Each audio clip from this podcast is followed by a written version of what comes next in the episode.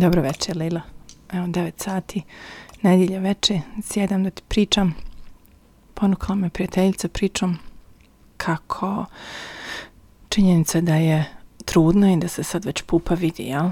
Um, u drugim ljudima izaziva potrebu da prelaze sve neke lične granice i od, od činjenice da joj diraju stomak preko um, davanja savjeta koji, koji ona nije tražila do pričanja horor um, priča i doživljaja raznoraznih trudnoća, porođaja, problema s djecom um, i, i tako tih nekih negativnih um, momenata um, koji nju ostavljaju u, u, u, u totalnom zaprepašćenju jer je, jer je prvi put trudna i očekuje svoje prvo dijete.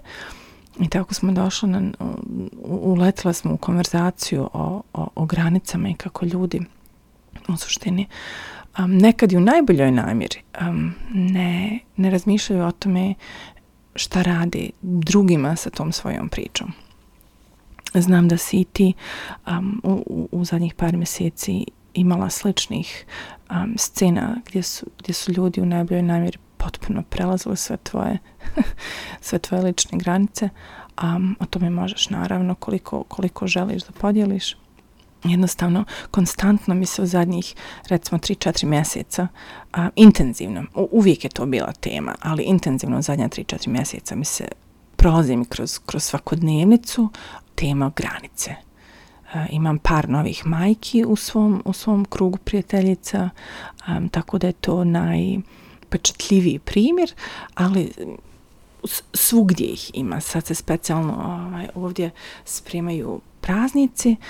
Ovdje Božić veliki, veliki praznik gdje se familije okupljaju koje se obično ne viđaju drugim mjesecima, jel, viđaju se jednom godišnje i onda se svi okupe na jednom mjestu, to je velika grupa ljudi a, s različitim a, mišljenjima, različitim stavovima, različitim nekad um, i religijama, jer ovdje baš nije samo religiozni praznik, nego je familijarni praznik, um, različitim političkim ubjeđenjima, socijalnim stavovima i tako. I ovdje je poznata činjenica da je um, holiday season, takozvani, vrlo um, osjetljivo vrijeme, uh, vrijeme kada ljudi završavaju po bolnicama, u zatvoru, uh, povišeni su pokušaj samoubistva, uh, jednostavno me to sve navelo na, na razmišljanje o ličnim granicama i kako one utječu na naš, naše mentalno zdravlje, naš odnos prema drugima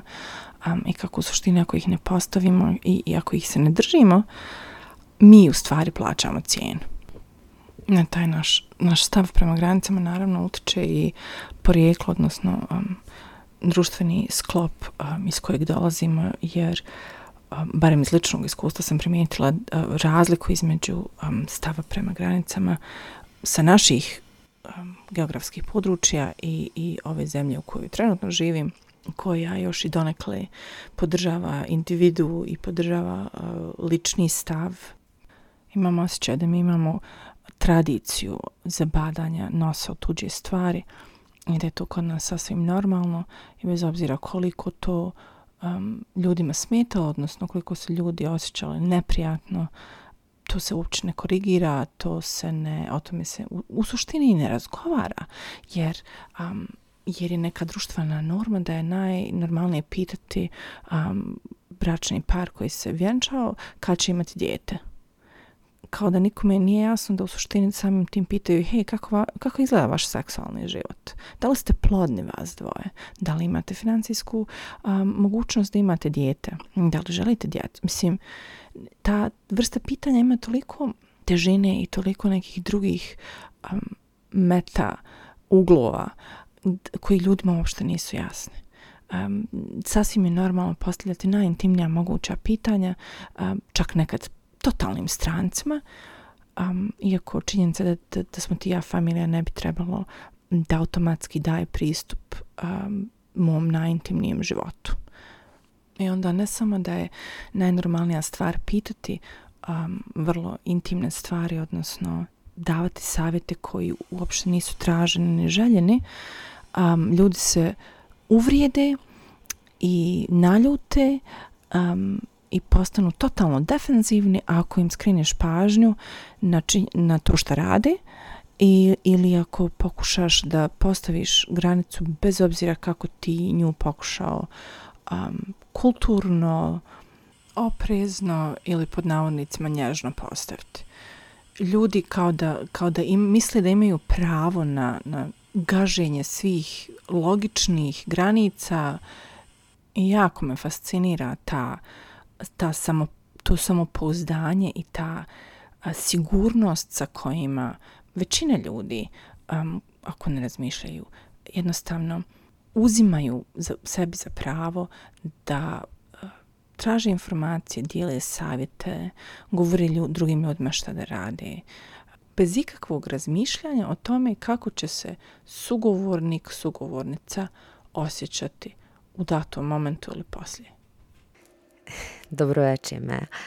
Um, slušam te i razmišljam kako sam ja idealna osoba za um, ovu temu, s tim što bi bilo bolje da recimo ti tamo imaš neki konzili ljekara, a ja sam ovdje kao neki školski primjer na kojem ćete vi da objasnite ljudima koji, nam, koji nas slušaju kako ne treba živjeti svoj život, kako se ne brini o svom mentalnom i fizičkom zdravlju i ono kao jedan savršen primjer osobe koja ovaj, služi nekako drugima, što je cool, ali ovaj, koja nikad ne služi sebi ili vrlo rijetko.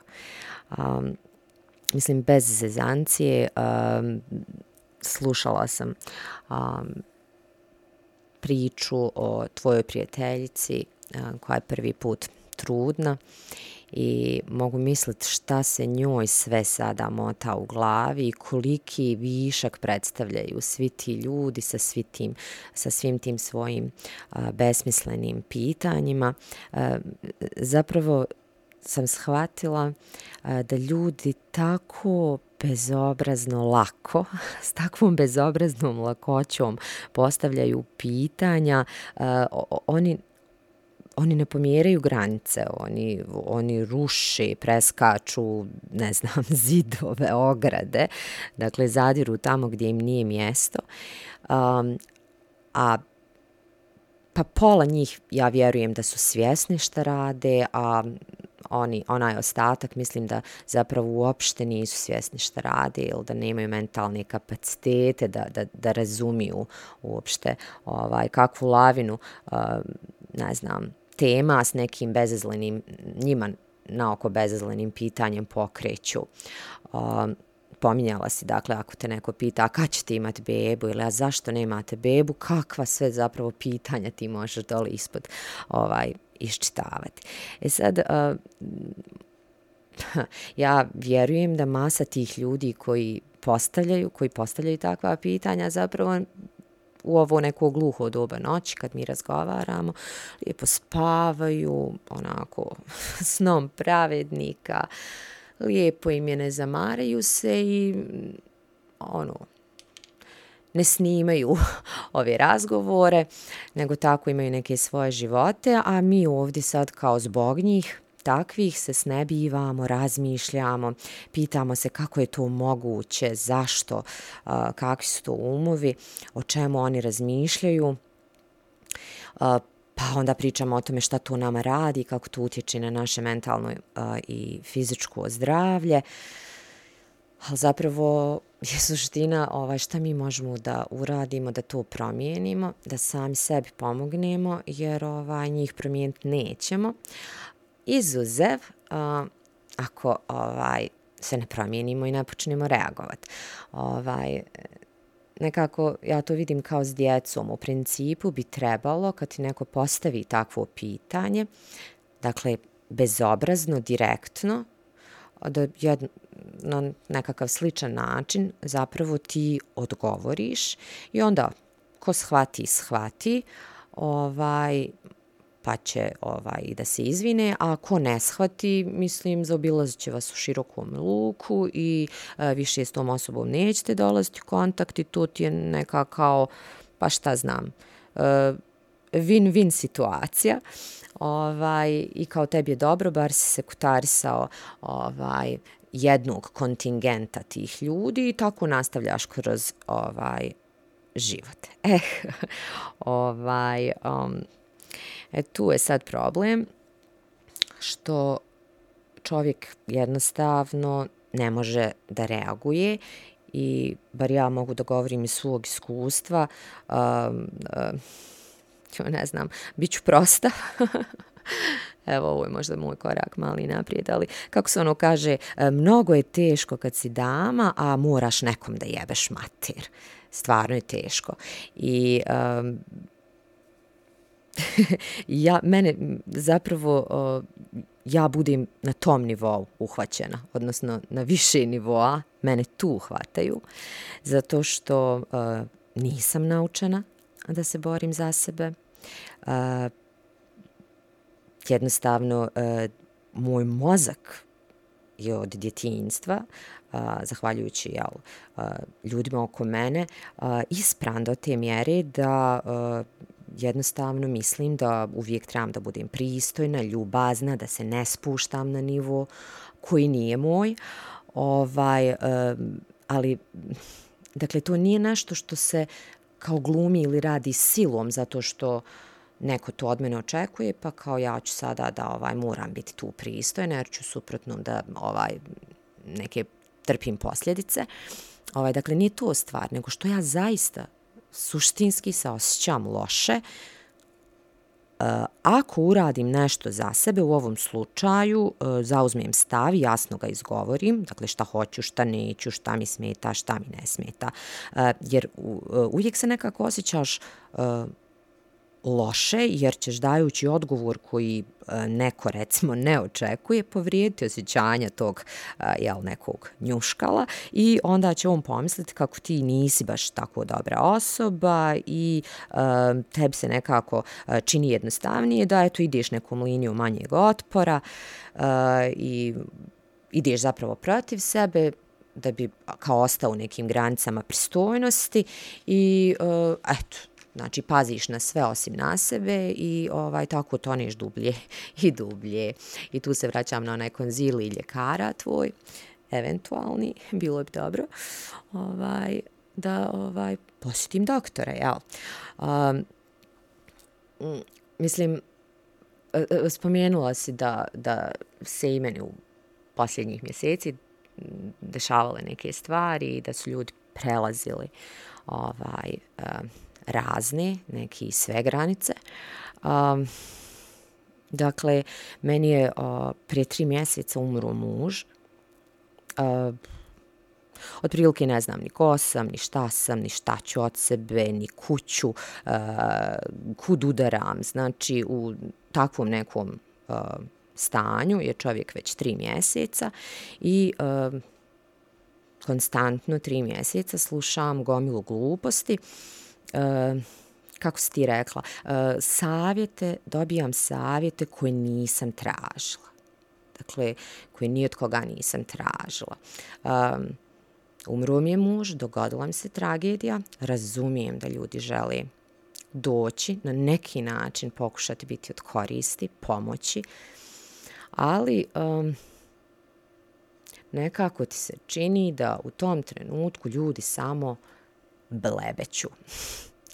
Govori nešto o čemu um, u principu nemaju pojma, um, s obzirom da to svako doživljava na svoj način, teško ko može da te razumije. Um, I onda u, u, u nekom raspadnutom stanju čovjek sluša, ne znam, stvari tipa pa dobro, vidi Lila, ti si mlada, um, život je pred tobom, um, jednostavno ti sad trebaš da živiš, da misliš na sebe, da misliš na svoj život. A tebi se, jel, nekako život srušio i ti vidiš sve osim tog života. Um, pa onda, ne znam, čak mi se ovaj dešavalo da, s obzirom da Mm, moj muž i ja nismo mogli imati djece. Ovaj, uh, pa tako neko skonta super savjet da te nekako kao utješi, jer valjda konta pa dobro, muž joj je umro, nemaju djece, a svaka žena sigurno želi biti majka i onda ti neko kaže, pa eto, niste mogli imati djece, e, možda sad naiđe e, neko ko će mene jel, učiniti majkom. ovaj, um, mislim, ja, ja stvarno ne znam, um, u tim trenucima, um, ne znam, ne znam, čovjek, čovjek jednostavno ostane uh, zatečen i, i prosto ne znam, ja ne znam ni, ni ko, kak, kakva osoba bi tu, u tom trenutku uopšte mogla da, ne znam, pronađe neke adekvatne riječi, ne znam. Uh, pa onda recimo ne ulazeći u moja ovaj uh, u moje stavove o životu, svijetu, ovom ili onom eventualnom, dakle dok patiš ljudi ti kažu kako je sada Nermin na uh, dobro, kako je njemu ovaj sad bolje, ovaj dakle uh, kako ja to ne shvatam da je njemu bolje. On, o, njemu je sad super, ova, njemu je sad puno bolje, dakle bolje mu je mrtvom nego recimo da sad nas dvoje tu ležimo, slušamo muziku, smijemo se, ne znam, jedemo palačinke sa uh, nutelom, nemam pojma. Um, jednostavno,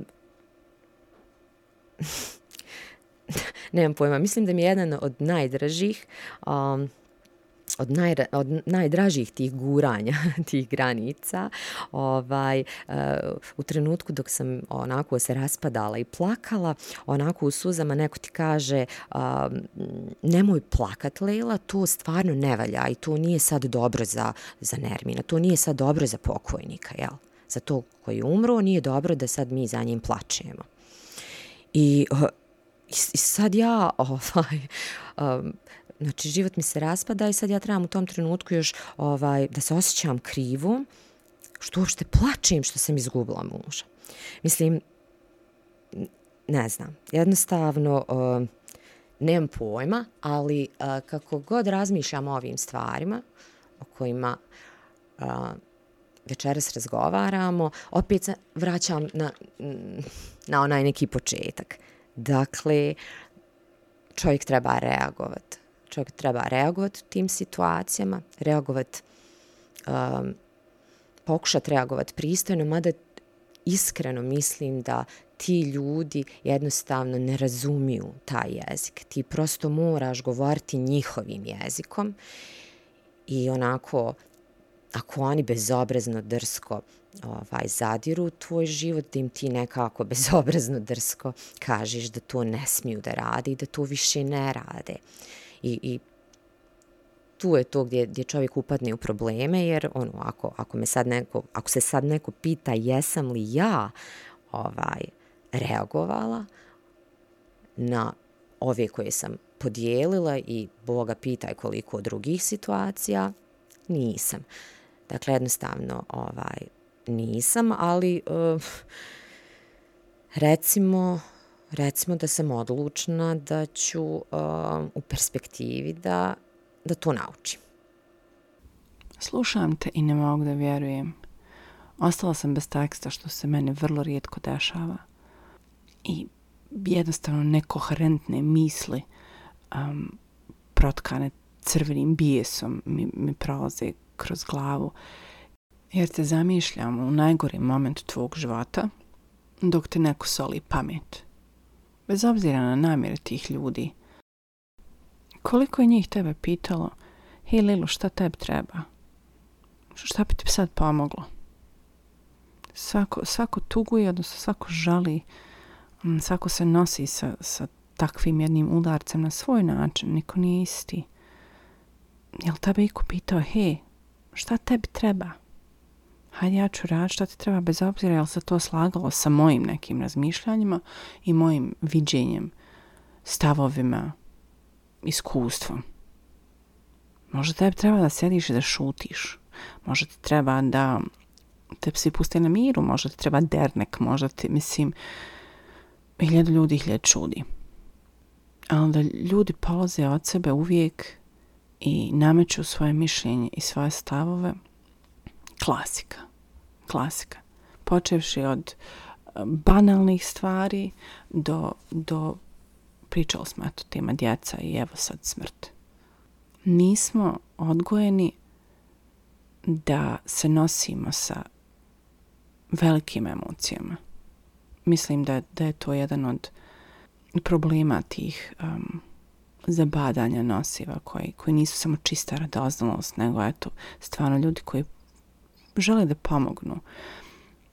Uzmimo primjer gubitka supružnika. Jedna od najgorih jel, situacija, emocija, tuga, jad, bijeda, očaj. Niko neće tako da se osjeća. I svi pokušavaju da te raspolože, da ti skrinu pažnju, da um, ne, nešto. Zašto nismo u stanju da jednostavno sjedimo s tom tugom i da je pustimo? Da je pustimo da se desi. Pusti tugu da bude tuga. Nemoj, nemoj izbjegavati, nemoj tražiti um, raznorazne džiđe koje će ti skrenuti pažnju i skrenuti misli. Ne, pusti tugu da bude tuga. Ima svrhu. Ima um, proces, ima razlog. U redu je biti tužan i uništen kad ti se tako nešto u životu desi.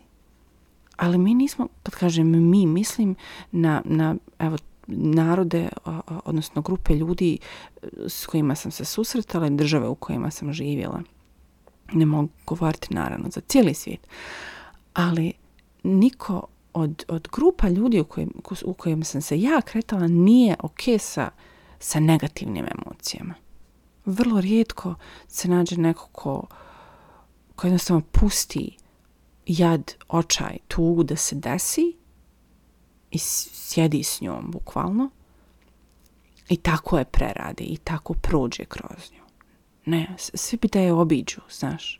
Kao prepreka je na putu i hajmo sad umjesto od A do B ravno kroz tu tugu, ne, hajmo je nekako zaobići. Zašto? Prvo, zahtjeva mnogo više energije, kao kompjuter koji radi, ono, procesor nešto u, u pozadini obrađuje, a, duže traje a, i pojavit će se kad ta, ta tuga ponovo. Biće neki trigger, negdje će neki, nešto će da se desi, izaći će ponovo. Neobrađene a, emocije se vrate. Ne možda u istom obliku u, koje, u kojem su se pojavile prvi put, ali se vrate. Zašto je, zašto je negativna emocija nešto loše? Zašto nije jednostavno kao i sve ostalo emocija kroz koju treba proći, treba je doživjeti i treba završiti s njom. Ništa nije vječno. Tuga nije vječna, sreća nije vječna, nijedna emocija ovog svijeta nije vječna. Sve oscilira, sve ide gore dole, dođe, vrati se, nestane. Nije bitno. Šta je tako strašno u, u, u tuzi što, što mi nismo u stanju da je pozdravimo i da kažemo, e, hajde, izvoli, sjedi, pridruži mi se. Zato što nismo odgojeni da se nosimo sa velikim emocijama. Kad su djeca mala i kad ih počnu drmati njihove žute minute, šta radi odrasli? Prestani, šuti, smiri se, nemoj plakat. Šta ti je? Si to beba? U najgorim slučaju se rugaju jednoj djeci. A da o, o dječaci ne plaču, ne govorim. Zašto? Zato što mi nismo kao odrasli um, u stanju da se nosimo s tim emocijama. Njihovim. I onda iz generacije u generaciju se, se, se ljudi uče da to treba samo zaobići, potisnuti, a, preskočiti. Češ biti tužan. Ne. I, a sad ova, da da je nazovem pseudo-spiritualnost, think positive thoughts, ima li, ima li išta kontraproduktivnije? Zašto? Zašto stalno se tjerati da budeš pozitivan i sretan? Ako ta sreća ne dolazi iznutra, ako ta sreća nije u tvom organizmu iz dubine duše ne izlazi u tom momentu, zašto to nije okej? Okay? Imaš razlog zbog kojeg se osjećaš kako se osjećaš. Ili istražuj, ili ga pusti, ili ali nasilu nešto mijenjati i, i furati se na osmijeh i neku vještačku pozitivu samo doprinosi depresiji. Odoh ja s teme, digresija broj 1, bit će ih jako mnogo. Lila je naučila na moje, na moje digresije na prvu, drugu, treću, četvrtu i petu. Uglavnom se vratim. Odakle smo krenuli? Krenuli smo od granica. Granica koje ljudi gaze i prelaze um, čak i u najtužnijim i najstrašnijim momentima gubitka voljene osobe. Vratit ćemo se jednom i na tugu i na velike emocije i na činjenicu da se djeca ne odgajaju kako se odgajaju, ali hajmo se sad vratiti. hajmo se ipak sad vratiti na granice.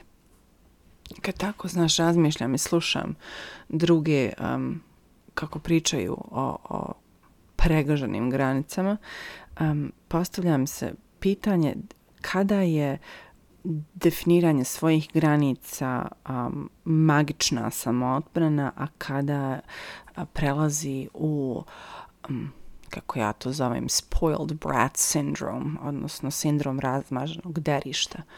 Um, kada su granice zdrave, kada su granice sebične. Um, u tvom slučaju definitivno nisu sebične. Um, bilo bi možda zdravije, kad kažem zdravije, po mentalno tvoje zdravlje, da um, nekad jednostavno spustiš šapicu um, i drekneš jedno ne i dosta. Um, jako sam se ismijala na tvoj komentar kako da budeš dama kad moraš nekome jebat mater. um, da, vrlo, vrlo ima veze sa našim odgojem i načinom na na koji nam je utkano u sistem da, specijalno ako si žensko, moraš biti mm, žrtva skoro. Moraš se žrtvovati za one koje voliš, moraš da daješ, daješ, daješ, a drugi će da uzimaju, da uzimaju, da uzimaju. Dokle? Zašto drugi ne daju, a da ja malo uzmem? S druge strane, onda imaš ljude koji su navikli da uzimaju, I onda kad im se oduzme privilegija, odnosno kad neko kaže, he, mislim, do ovde i ne dalje, onda im se cijeli svijet sruši. Dakle, gdje, ko, ko postavlja granice? Koje su zdrave granice? Gdje, gdje je linija između um, zdravog mentalnog stanja i opet sindroma razmaženog derišta? Da li treba da guramo svoje granice zbog drugih ljudi? Dokle smo mi velikodušni, a odakle smo žrtve? Kako uspostaviti zdrave granice? Kada su naše potrebe bitnije od potreba drugih ljudi? U kojim situacijama možemo biti sebični i reći ne, sada ja, ne ti? Ko je mjerodavan da kaže koje su granice validne, a koje su čista sebičnost. U tvom konkretnom slučaju, da li bi tebi pomoglo da si bila u, u stanju u tom momentu reći ono, haj zdravo, ili molim te, zaveži ili bilo kakvu granicu postaviti, ne pustiti ljude da uljevaju svoje mišljenja i svoje emocije i svoje stavove i svoju energiju. Um, u tebe koja apsolutno nisi bila ni, ni spremna ni u stanju da to da se nosiš s tim jer si u situaciji u kojoj si bila. Sa druge strane kako bi tvoja okolina odreagovala? Da si postavila granice i da si rekla dosta jer to nije to nije ono na što su navikle. kako bi oni reagovali i da li bi se ti mogla nositi sa njihovom reakcijom. Jer znam dovoljno ljudi koji um, kojima je draže da izbjegnu kompletno konflikt, bez obzira na sve ono što moraju pretrpiti da se konflikt ne bi desio. Dakle, pitanje nije samo da li bi bila u stanju da postaviš granicu, nego da li bi mogla, htjela, znala da se nosiš sa reakcijom okoline koja bi u najboljem slučaju bila zatečena, a u najgorem reagovala negativno. Nije lako promijeniti um, svoje stavove, a onda se definitivno nije lako postaviti um, prema drugima u podnavodnicima novom svjetlu i, i preživjeti njihovu reakciju, ma kakva ona bila. E, kada su granice zdrave, e, a kada postaju neki jel, sebičluk? E, pa ne znam, valjda kada, jel, valjda ako smo svi normalni, ako slušamo sebe. Dakle, da ne radimo ono od čega se osjećamo loše ili, ne znam, meni je želdac nekako uvijek mjera stvari. Kao, bitno mi je da ne osjećam neku muku u želcu, da mi nije zlo. Um, ali tu, tu je važna jedna druga stvar, a to je um, samopouzdanje i um, ne, dakle ta neka slika koju imamo o sebi, koju šaljemo drugima, koju možda nas je strah da narušimo, um, jer um, naučeni smo eh, da se sklanjamo, da izbjegavamo konflikte, evo, evo ja sam sad rekla konflikte, a, misleći na te neke a, najnormalnije stvari koje ni, zapravo nisu nikakvi konflikti. Dakle, neko ti je a, rekao ili uradio nešto i zadire u tvoju, recimo, intimu, uglavnom o tome pričamo večeras, a, e, mi se e, nekako e, branimo, odnosno bojimo se postaviti tu kao granicu, um, a nismo ni svjesni da da stvaramo konflikt u sebi, a ne između nas i te osobe. Um, jer svi mi nekako u ovom podnevlju uh, eh, smatramo da um, da trebamo da izbjegavamo te neke kao konflikte, nazovi konflikte, te neke nemirne situacije.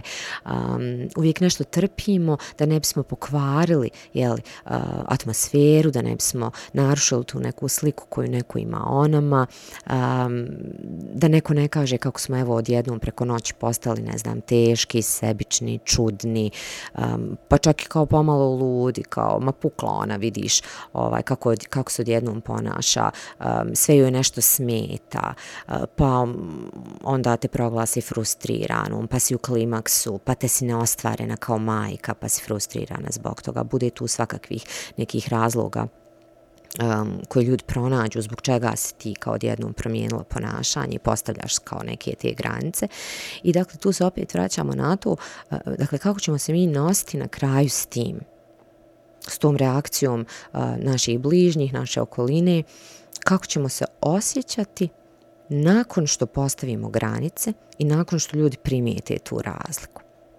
E, zanimalo te da li su ljudi mene pitali u mojim nekim situacijama e, Lila šta bi tebi trebalo ili pomoglo.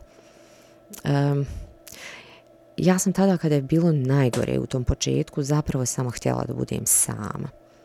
Ali kad bi me neko to pitao, a bilo je onih koji su pitali, kao šta bih ja sad htjela, ja bih bila iskrena i rekla bih želim biti sama. Ja bih sad voljela da legnim u svoj krevet, u svoju sobu, da zatvorim vrata, da razmišljam o čemu ja želim da razmišljam, da plačem ako mi se plače, da vrištim ako mi se vrišti. Dakle, želim biti sama. I to nikada nije bio željen odgovor uh, uvijek osjetiš ili vidiš to neko razočarenje na, na, na licu. Jednostavno, kao, kao da tražiš nešto što i nije baš prihvatljivo ponašanje. I kao ono kad ih već tako lijepo zamoliš i kad im kažeš šta želiš, pa kao odluče da te malo puste i kaže pa hajde dobro idi. Međutim, već nakon 20 minuta uh, neko počne ulaziti, neko osjeća potrebu da ti pravi društvo, neko osjeća potrebu da ti izvuče iz kreveta, da te odvuče u dnevni boravak, kao hajmo gledat, ne znam, televiziju.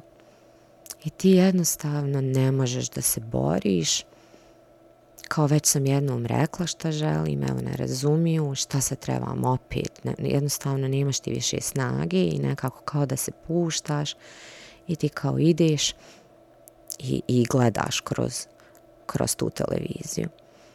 I, i upravo si kad si rekla, ljudi se stvarno zaista teško nose sa, evo konkretno tugom. One, mm, dakle, kao, kao neka zaraza prenosi se, ubija raspoloženje koje se ljudi nekako tako jako trude da, da ga održe na nekom nivou um, i jednostavno ne voli. Dešavalo se da mm, puno ljudi prođe kroz kuću i ostanu na kraju samo, na primjer, mlađi ljudi moji, neki bliži ili dalji prijatelji, ali kao tu smo negdje, generacija smo. I ljudi počnu pričati o nekim normalnim stvarima, svakodnevnim stvarima i ovaj neko je spomenuo neki neko planinarenje i evo kao i ja, ok, neću sad ovaj razgovarati samo o tužnim stvarima ili onome što ja u tom trenutku želim da razgovaram ili mislim, ovaj, nego kao, eto, pomisliš, hajde, bit ću civilizovana, hajde, evo, baš su fine, cijeli dan smo pričali. Ono, evo, hajde idem ja sad, onaj malo uključiti se u temu i počnem pričati planinarenje i, i bože, planinarila sam sa, sa, sa Nerminom i, i, i sa našom Tarom i nekako sva moja sjećanja i iskustva vežu se ono nekako za, za njih dvoje i, i logično se sjetim neke situacije i sad ja niti plačem, dakle normalno, čak i s osmijehom na licu sjećam se neke lijepe ili simpatične, smiješne situacije ja je prepričavam jer je u tom je kontekstu, o tom je govorimo i ugodno je kao relativno ugodno. Međutim, čim ja spomenem mrtvog čovjeka, jednostavno samo im se onako mišić na licu počnu opuštati, ono, ne na dobar način, nego ono, kao vidiš kako osmije si lagano ovaj, potonu i ono, kao evo, opet smo se vratili na ovu staru priču. Onaj, nije im uspjelo da me kao negde otrgnu i malo duže ovaj, zadrži. Uh, ono, opet se vratila ta neka tuga i pričamo opet tu o tome i jadni smo. I tad, tad se osjetiš zapravo nekako nemoćan i kao da te niko ne razumije i suštinski mm, jel, ne sam, jer je tako puno ljudi tu, nego si jednostavno si usamljen kao da ono, nema tvojih granica, svi su sve tvoje granice prešli kao da si sad ono gol i sam i nemam pojma, neshvaćen. Dakle, rijetko ko ti daje ono što tebi treba, čak i ako to naglas jasno izgovoriš. Jednostavno te ljudi ne zarezuju. E, kao da uvijek misle da ono, evo sad je njoj teško, ona je u nekom šoku i svi sve znaju bolje od mene šta je dobro za mene. Dakle, samo ja ne znam šta je dobro za mene. I opet na kraju dolazimo na to um, ovaj, kako ćeš se dakle osjećati nakon te promjene koju želiš da živiš, kako postići uh, da mm, ne znam, da se suštinski i osjećaš dakle dobro, da ne budeš loše poslije, uh, da, uh, kako bi rekla, ne mijenjaš ponašanje silom, Dakle, ako si na nekom emocionalnom, na nekom psihološkom nivou nezreo da, da pratiš u potpunosti tu promjenu i, i sve ono što s tom promjenom dolazi, a ne bude uvijek ugodno. Ali valjda trebaš da znaš šta tebi donosi ugodu i zadovoljstvo i da se držiš toga. Ali ja jednostavno nisam dobar ili zdrav primjer. U momentu mm, kad sam ja mislila da sam osjetila tu promjenu, eh, kada me nakon urađenog ili izgovorenog zaista nije bilo briga šta će neko pomisliti. Kada sam ja zaista kao u nekom miru sa sobom, to je obično bio trenutak ne mira, nego trenutak kada je um, neko prešao sve granice i došao do zida i dalje ne može. Kao da se nešto nakupljalo toliko u tebi, kao da nakon toliko nerviranja ili tuge ili kakvih sve jel, osjećaja, ne može dalje. Dođeš do zida i sve prestane.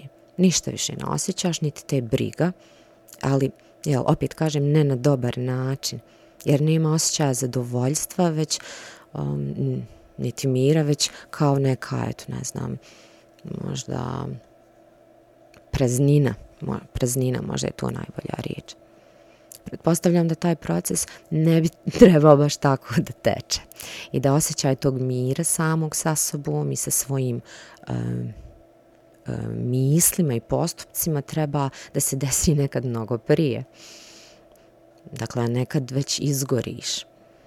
Jer ovo što se meni ponekad desi, a ja pomislim kao vidme što sam sazrela, više me, više me se ne tiče, ovaj, kao da sam primijetila da to nije to, nego kao da je tijelo jednostavno napravilo neki shutdown da se zaštiti. Tako da je pitanje za mene kako se dovesti do tog stadija sigurnosti u sebe i svoje misli i postupke, što će ti u nekoj kombinaciji u konačnici donijeti tako, jel, očekivani, željeni mir? Postavila si fantastično pitanje um, na koje ne mogu reći da imam odgovor, ali imam teoriju, ali se moram prvo vratiti na tvoju priču.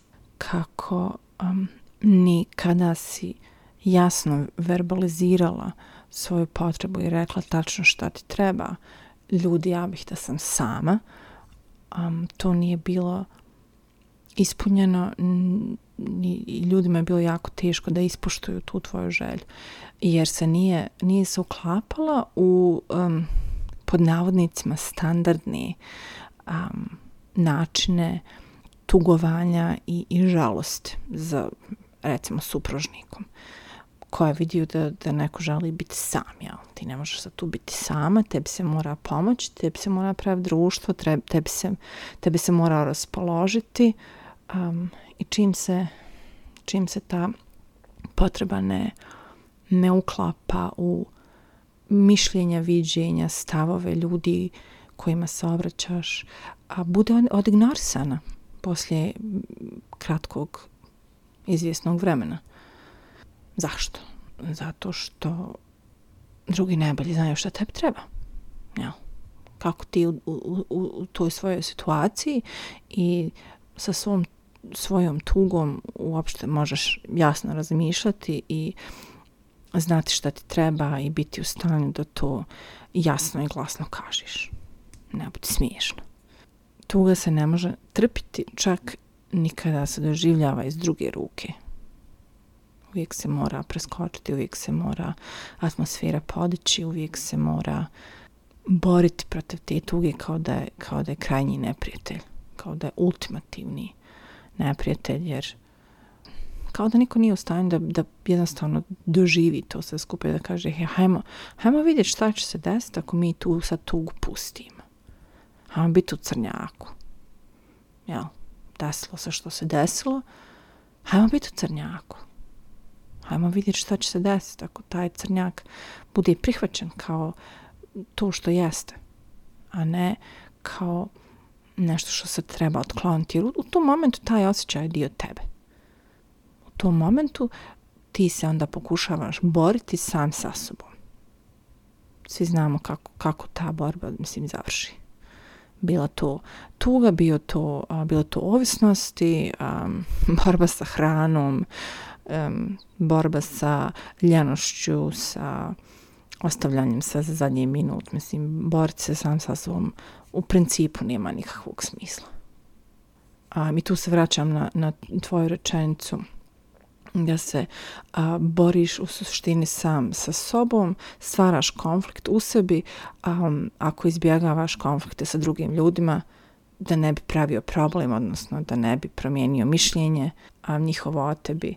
I sve se u suštini svodi na, na našu neravnotežu sa samim sobom. Da smo mi usidrani, da smo um, u, u, u ravnoteži, da smo sigurni sami u sebe, upravo to što govoriš na kraju, um, na kraju svog, nazovemo ono monologa, da imaš samopouzdanje, onda bi bilo mnogo jednostavnije i postaviti granice i nositi se sa tugom i um, zauzimati prostor u svijetu u kojem se nalaziš. Jer u suštini sve, sve počinje od toga. svi unutrašnji konflikti počinju od toga. Odnosno svi vanjski konflikti u principu počinju od toga. Hajmo sad otići na meta nivo i, i gledat sve od ozgo. Neko ko je um, zen, ko je ravan sam sa sobom, teško da ga nešto može izbaciti iz cipela, teško da ga može mišljenje drugih ljudi poljuljati, teško da može mišljenje drugih ljudi uticati na ono kako se neko ponaša i što neko misli, a kako doći do tog zena i te, te ravnoteže, tog balansa, kako izvući to samopoznanje iz sebe. Ljudi se treniraju za to.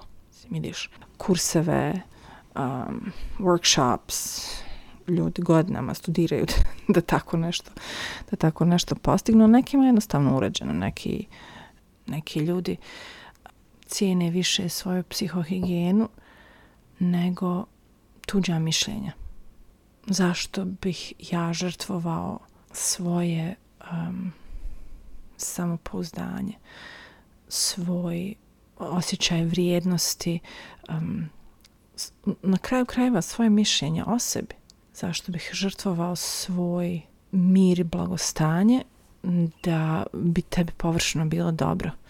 Jedno se žrtvovati za ljude ko, ako, je, ako je bitno, ako je nužno, ako je pragmatično, ako je pomoći, ako je donijeti, uraditi, olakšati, ali sklanjati sebe i izmicati sebe i smanjivati sebe da bi nekom drugom bilo udobno, odnosno da se neko drugi ne bi osjećao, neću da kažem ugroženim, jer moraš biti jedna um, jadna um, pojava ega da bi se osjećao ugroženim ako neko um, izgovori svoju potrebu ličnu, jel?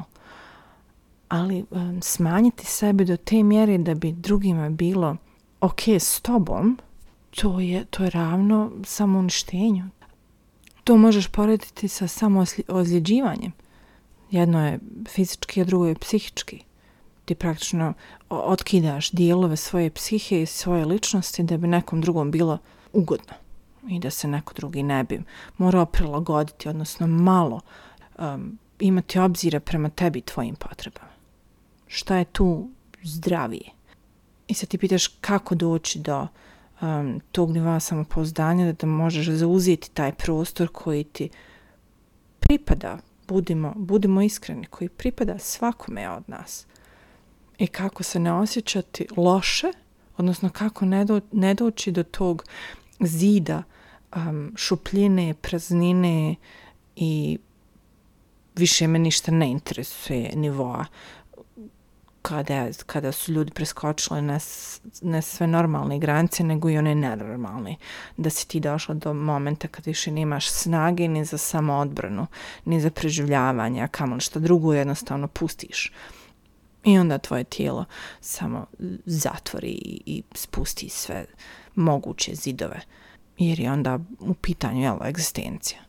I naravno da se tu ne osjećaš dobro, jer ti su se zidovi davno trebalo spustiti nekad nisi trebala doći do tog nekog nivoa da je sad pitanje ili ti ili oni. A kako? Pa prvenstveno prevaspitavanjem same sebe. Laganim širenjem, laganim zauzimanjem prostora, um, a onda prevaspitavanjem svoje okoline ili nekom šok terapijom da je od danas na sutra potpuno neka nova lela sa, sa granicama koje se ne mogu pomicati i vrlo jasnim i čvrstim granicama ili sa nekom desensibilizacijom pa ono lagano, znaš, kao žabica kad staviš u hladnu vodu pa zagrijavaš vodicu pa se onda žabice skuhaju u toj vodi jer ne, pra, ne primijete promjenu temperature. Ili se rodiš ko ja pa si John obraza za neke stvari. I onda ti je sve jedno šta će neko misliti, ne, ne ugrožavaš samo sebe zbog nečijeg komfora, nerazmišljanja ili u krajnjem ekstremnom slučaju bez obrazluka i drskosti. Jer ti treba da naveče odeš spavati sama sa sobom i sa svojim mislima um, i da nastaviš da živiš sa slikom koju imaš o sebi, a svi oni će otići svojim kućama i prst uho i baš ih briga. U suštini baš te briga što neko drugi misli o tebi. To je, nažalost, u našoj kulturi vrlo izrazita um, karakterna osobina većine ljudi. Šta će za Boga narod reći? Mahala diktira sliku o sebi. Mislim da, ne znam sad kako, kako nove generacije se nose s tim. Nisam bila u Sarajevu u zadnjoj dekadi. Možda se nešto lagano mijenja, ali dok sam bila prisutna i dok sam mogla um, posmatrati i biti u sredini koja je jel, naša sredina na našim geografskim područjima, to šta će Mahala reći bilo motivacija broj 1. Dobro, možda ne broj 1, ali top 5. Nemoj osramotiti roditelje, um, šta će komšije reći, um, šta će neko drugi pomisliti. I onda cijeli svoj život, odnosno sve svoje odluke, donosiš pod uticajem tog nekog kišobrana, mahle i komšilka. Gdje je tu sloboda? Gdje je tu sloboda ličnosti? Gdje je tu um, razvoj ličnosti? Gdje bismo, gdje bi puno ljudi bilo da nije sputavano tim nekim, nazovimo ih socijalnim normama koje su koje su trebale biti davno prevaziđene. Ti si rekla kako smo naučili da se sklanjamo i izbjegavamo konflikte. Nismo mi naučili, nego smo naučeni. Jer aktivno učenje, jel, je aktivna akumulacija znanja, a ja sam sigurna da niko nije svjesno i aktivno očeo rekao, e, sad hoću da, da naučim kako da se sklanjam i izbjegavam konflikte. Da drugima ne bude um, neugodno. Ne, mi smo naučeni. Naučeni smo od, od generacije prije nas da im ne bismo smetali, počne, jer su i oni tako isto naučeni od njihovih roditelja i, i društva koje su, u kojem su odrasli. Nemo da se djeca čuju, mogu se vidjeti, ne smiju se čuti. Klasični, klasični primjer odgoja, bare moje generacije, opet ponavljam, ne znam kako je sad trenutno, ali je, ali je moja generacija tako odgojena, većina nas. Ako ne od, u roditeljskoj kući, onda, onda u školi, u društvu, nemaš neku vrijednost dok um, nisi, nisi pod navodnicima odrastao. Kad dođeš u te neke um, nazovimo odrasle godine, onda si već, onda već nosiš to sa sobom, taj, nosiš sa sobom to ograničenje, nešto te sputava. I u tebi je, jel, jer, jer, jer si od malena živio u tome. Sklon se, um, smanj se, nemoj biti glasan, specijalno ako si žensko. Tek onda moraš biti pasivan, odnosno pasivna i sklanjati se, izbjegavati konflikte i biti tiha i mirna. Jer ako si suprotno, onda su epiteti koji te pra, prate tek poražavajući. Ne samo da si sebična, nego još svašta nešto. I opet, da li je mišljenje drugih ljudi um, i ta, ta, ti svi pridjevi koji te prate, da li je to dovoljno da te promijeni ili si dovoljno jaka da kažeš ok, ja sam, ok, sebična sam i a, glasna sam i zahtjevna sam i teška sam i šta sad? Uzmi ili ostavi. Hoćeš? Super, nećeš? Vozdra. Ima ko hoće. Ako neće niko, hoću ja. Jer ja moram sama sa sobom da živim. Ja moram da se pogledam u ogledalo na i kažem a, odradila sam što mi je savjest nalagala, mogu da živim sa svojim odlukama i svojim ponašanjem i svojim postupcima meni je to ok. Kome nije, ok, opet ok. Nema veze. A to se trenira. Dolazi prvo sa, sa godinama i aktivnim radom. A onda je malo karakter. Ali mislim i da, i da a, tihi, mirni um, karakteri koji ne žele da talasaju, ne žele da um, Mm, izazivaju pod navodnicima probleme, um, mogu dovesti sami sebe do um, nivoa gdje se će se boriti sami za sebe i neće, se, ne, neće dozvoliti da se zgaze, odnosno da im se pređu granice i da um, odu kući pokisli jer, jer nisu nekome mogli reći ne. Tako da vjerujem da za tebe apsolutno ima nade i da um, with a little help of your friends um, i vjere u sebe apsolutno možeš doći do um, nivoa gdje um, se nećeš boriti za egzistenciju svaki put kad neko uh, ignoriše tvoje potrebe, odnosno gazi tvoje granice, nego ćeš um, biti vrijedna sama sebi, dovoljno da staviš nekom drugom do znanja šta radi. U slučaju da nisu svjesni, jer kao što smo više puta večeras rekli, zaista postoje ljudi koji iz najboljih namjera jednostavno ne, ne misle šta rade i, i, i naprave darmar. Um, ali čak, im, čak i onim drskim, bezobraznim koji iskorištavaju jer mogu i znaju da mogu, mislim da apsolutno si, si u stanju i možeš biti u stanju da verbalno zakucaš daske i postaviš cigle i imaš stav koji će ih ako ništa natirate da dva put razmisle dokle će ići i dokle ćete testirati.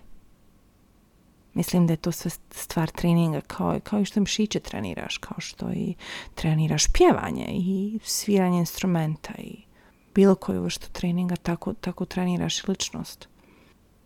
Mislim da je ovo dobar um, završetak naše, naše priče za ovaj put.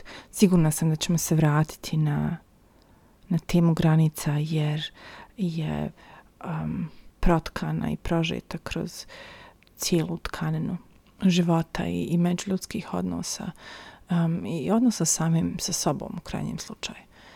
Bilo mi je veliko zadovoljstvo. Uh, ću morati ovaj naš prvi podcast s tobom. Nadam se da se uskoro ponovo slušamo. Laku noć.